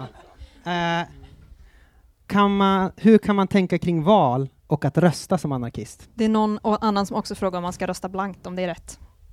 Eh, som anarkist så är det svårt att säga definitivt rätt eller fel, utan det blir samvetsfrågor. Ehm, och jag brottas ganska mycket med den här frågan eh, kring att rösta eller inte rösta. Eh, anledningen till att jag inte vill rösta i de situationer där jag inte vill göra det, det är att ehm, jag inte tror på det demokratiska system vi har idag. Jag tror att det behövs ett annat demokratiskt system och att jag legitimerar den makt som utövas genom det demokratiska system vi har idag eh, genom att gå och rösta. När jag går och röstar så gör jag också en handling där jag liksom signerar att det här är ett bra system som jag tror på. Eh, samtidigt så är det en ganska så här, filosofisk och inte så jättepraktisk eh, grej och där, alltså jag måste ändå erkänna att eh, Socialdemokraterna har gjort väldigt mycket bra under den här mandatperioden om man tittar liksom ekonomiskt och på de bitarna. Sen har de gjort ganska mycket kassa saker under den här mandatperioden om man tittar på till exempel flyktingpolitiken. Eh, och man gör liksom ingenting åt den kapitalistiska rovdriften. Och den kapitalistiska rovdriften som sker, den eh, går inte heller att rösta bort. Eh, där är jag ganska säker. Och därför så blir det liksom Alltså när de viktigaste frågorna inte går att påverka genom min röst, då är frågan hur meningsfullt det egentligen är. Om det är bättre att protestera mot det här systemet och försöka lägga energin på att bygga upp ett annat. Det känns som ett ganska utförligt svar. Ja. Replik Eh, ja, replik från Kristdemokraterna. I- i- inte Om en den är replik. kort. Ja, ingen replik. Jag vill bara ha en förtydligande, för jag är inte helt hundra på det här med anarkism. Det finns någon typ av beskattningsrätt i ditt system. Är det någon som betalar brandkåren till exempel, eller får den sköta den bäst en gitter om det börjar brinna? Eh, det, vi pratade lite om det under pizzan här och det, det är jättestora frågor. Eh, att beskriva hur ett nytt system skulle se ut och så vidare. Och det är inte, det är inte någonting som jag skulle vilja eh, liksom beskriva i detalj heller och säga att så här ska vi göra, för det är inte, det är inte vad anarkism handlar om heller. Eh, jag tror vi behöver samarbeta för att släppa bränder, Eh, släcka bränder och för att driva sjukhus och så vidare. Jag tror att det går att göra på fler sätt än vi gör det idag. Jag tror att det går att göra mer demokratiskt så att folk får mer inflytande och jag tror att det går att göra utan att exploatera varandra som vi gör idag. Det finns ju en, en väldigt ljus, eh, ljus, stråk, ljus människosyn inom anarkismen där man faktiskt tror att människor är villiga att hjälpa varandra utan att ha hotet om, ja, om att få alla, utan, utan hotet om att inte få någon lön för det man gör utan att det finns faktiskt människor ett intresse av att samarbeta med varandra. Inget mer. eh, då vill jag fråga om ett helt annat. Vad tycker ni om konfessionella friskolor? Erika? Ja. Eh, vi är emot det. Eh, just för att eh, religiösa friskolor ehm, inte lär ut så som vi vill att skolan ska funka idag. Vi tycker inte att präster och imamer ska utbilda våra elever. Vi tycker att alla ska gå i en jämlik skola där det är lärare som utbildar lärare som eh, utbildar elever. Så just därför så eh, vill vi ta bort religiösa friskolor och det är ett av våra vallöften. Ett jubel. ja, eh, här borta, replik. Ja, nu är det väl kanske inte imamer och präster som utbildar, utan det är väl just lärare som gör det. De ska helst vara legitimerade också. Och jag tror att den som driver skolan har nog ingen större bekymmer med det hela. Det tror jag fungerar. Jag tänkte på att den judiska skolan har funnits i vad det, 150 år någonting va? I Stockholm skulle den bort. Den har funkat rätt så bra, levererat rätt duktiga människor på många sätt.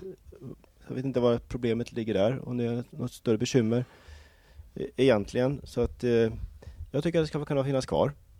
De ska ha naturligtvis följa alla de riktlinjer som finns inom Skolverket. De ska också vara, vara Skolverket ska vara tillsynsmyndighet och till kommuner också naturligtvis så att de följer de riktlinjer och lagar som krävs, varken mer eller mindre. De ska följa skolplaner och läroplaner som alla andra gör naturligtvis, varken mer eller mindre. Men vem som äger det hela om det finns en sån sak, det tror jag inte är någon jättestor fråga egentligen. Hoppas inte det i alla fall. Birgitta? Ja, alltså det skulle kunna också ha en lång eh, diskussion och utläggning om det här, för jag tycker det är en jättesvår fråga eh, som vi inte riktigt har landat i färdigt än i vårt parti. Eh, men det handlar ju väldigt mycket om att läroplanen följs. Eh, vi har ett problem med att elever går i, i olika skolor där man har olika intressen. Det är också, kan jag tycka, ibland blir ett problem när det finns en musikskola där det bara är en, elever som är intresserade av musik. Um, så att man behöver ju liksom kanske vända upp och ner på hela det här profilers, profilskolsystemet, inklusive de konfessionella, um, men även andra profilerade skolor och fundera om det är ett bra sätt att sortera elever. Där skulle vi kunna haft en riktigt bra debatt, eh, Birgitta och jag, för där har vi helt olika syn på hur man driver en skolverksamhet. Ooh. Men det det var inte det här frågan Stay om. tuned i Linköpings lokalpolitik, eller Absolut, kommunpolitik. där kommer, det, kommer, det kommer bli fight, helt klart. Det finns klart. ju möjligheter att vara på åhörarläktaren ibland tror jag, va? eller hur? Ja, det gör det.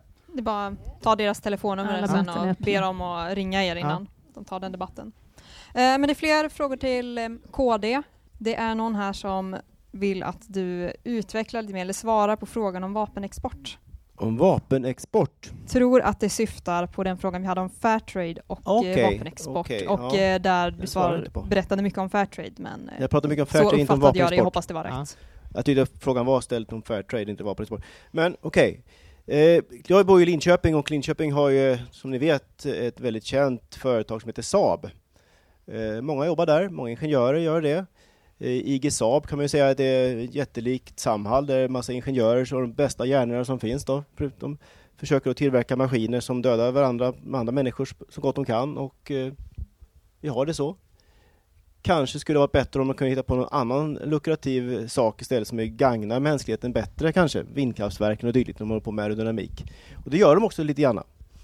Så att egentligen är det ju jättetråkigt att vi måste ha vapenindustri, eller hur vi ha en, en armé. Eh, men det var en känd potentat som sa att alla har ju, land, länder har ju en armé. Antingen sin egen eller någon annans. Det var väl Mao som sa det, jag va? skulle säga det. Men, och jag tror att eh, vi pratar om att ett försvarsmakt egentligen i- generellt sett är ju någon typ av försäkringssystem. Tycker man att det är någonting värt att bevara så betalar man någon typ av försäkringspremie. Har jag en fin cykel så kanske jag betalar det. Har jag en fin bil och liknande så gör jag det. Och eh, på något vis i världen ska någon betala det här och eh, det här har vi ju gjort en del av det hela, att försöka sälja det hela. Men framförallt är det att kunna ha höga löner till duktiga ingenjörer som går omkring här och pillar med sina grejer. Vad vet jag? Eh, så att eh, egentligen tycker jag inte om vapenindustri. Jag tycker inte om vapen överlag. Vi har dem och det ska vara mycket restriktivt och definitivt inte till krigsförande länder och inte till diktaturer. Och resten behöver egentligen inte så mycket vapen kan jag tycka förhoppningsvis. Så att det är en Men det tycker fråga. jag, eh, det, om jag får ställa en fråga också, för jag tycker att det känns otroligt märkligt. Varför ska man, eller så här, eh, för det känns som att många, många partier är så här överens om att eh, det är helt okej att så här, sälja vapen till länder som inte är i krig. Men va, varför ska man göra det? Eller vad, vad, hur kan man argumentera för det, tycker jag? Jättekonstig sak. Ja, men jag tycker det är helt rätt det du säger. Det är jätteknepigt. Det är de som krigar som behöver ha vapen, eller hur? Nej. Kanske. Kanske? Frågar de. Ja, men det är väl så att eh, det beror ju på. Det är så lätt, det är så lätt att vara så självgod och säga att nej, vi ska inte ha vapen. Nej, men okej, om någon bara petar med en bössa i ryggen och ingen kan försvara det, då är man inte tuff längre, så att säga. Så det är den här biten, om man inte vet av det hela. Så om man alltid levt i ett tryggt och gosigt samhälle så tycker man att alla ställen är trygga och gosiga, men så är de ju tyvärr inte. Vi pratade om flyktingar förut. De kommer ju hit för att de inte kan försvara sig, för de inte har en statsmakt som kan skydda sina gränser. Det är ju det som är problemet. Af- Afghanistan har haft en armé som kunde mota talibanerna i grinden så de har inte stuckit upp. De har inte det. Och då får de ett bekymmer. Och det är ofta det att har man en, en, en försvarsmakt som kan säkra sina gränser så har man ju också ett skydd mot hot. Och det är ju det som gäller och kanske lite grann. Och tror man inte på det, eller man tror man är så säker, så kan man nog få ett problem vad det lider. Jag tror att vi ska avrunda där. Det finns fler frågor, tyvärr kunde vi inte ta upp alla. Det handlar mycket om, eh, om flyktingfrågan. Så jag skulle kunna sammanfatta så här, om ni vill vinna frikyrkliga eh, röster så tror jag att ni ska eh, ha en generös flyktingpolitik, tror jag, om man kan tolka frågorna lite grann. eh, men nu så ska ni få rösta på riktigt, och det kanske var ledande nu inför eh, röstningen, men eh, Det har väl hela det här samtalet varit ledande i Ja, men olika precis. riktningar. Men det är för att vi ska, det är för att eh, man måste få vara det som moderator. eh, och Inga nu objektiva. kommer det komma upp eh, en eh, liten eh, valgrej eh, eh, här. Vi kan flytta på oss lite grann, jag och Alice. Så får ni se, sanningens tid har kommit. Vem kommer vinna i parlamentet? Nu finns det nu kan ni rösta på de här partierna som har varit med och Liberalerna som inte varit med om ni föredrar en tystnadens politik. Trycker vi present där. Jag, jag kommer lo- rösta i, eh, logga in själv här faktiskt. Ni får också det partiföreträdarna såklart. Oj, oj, oj! Miljöpartiet! Oj, oj! Miljöpartiet eh, sticker iväg. Det är som en race här. Fortfarande tunt för Liberalerna. Så går ibland är inte tystnaden det bästa svaret. Oj, oj, oj, det, Miljöpartiet går upp i ensam majoritet!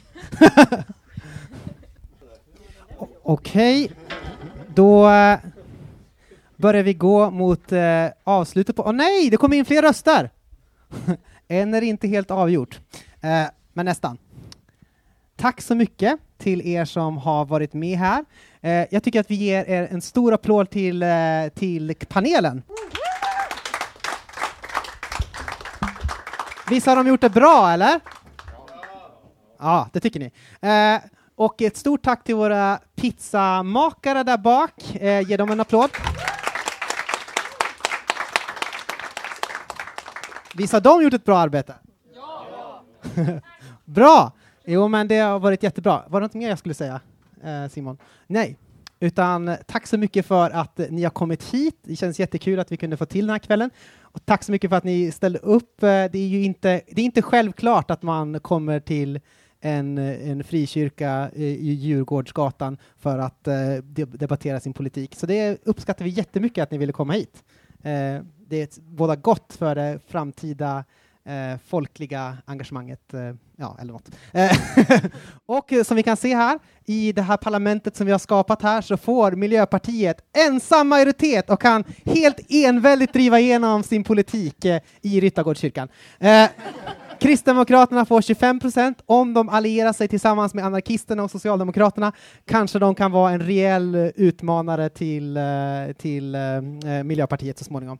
Men eh, det kan finnas motsättningar mellan partierna. Tack så mycket för ikväll. Vi ses!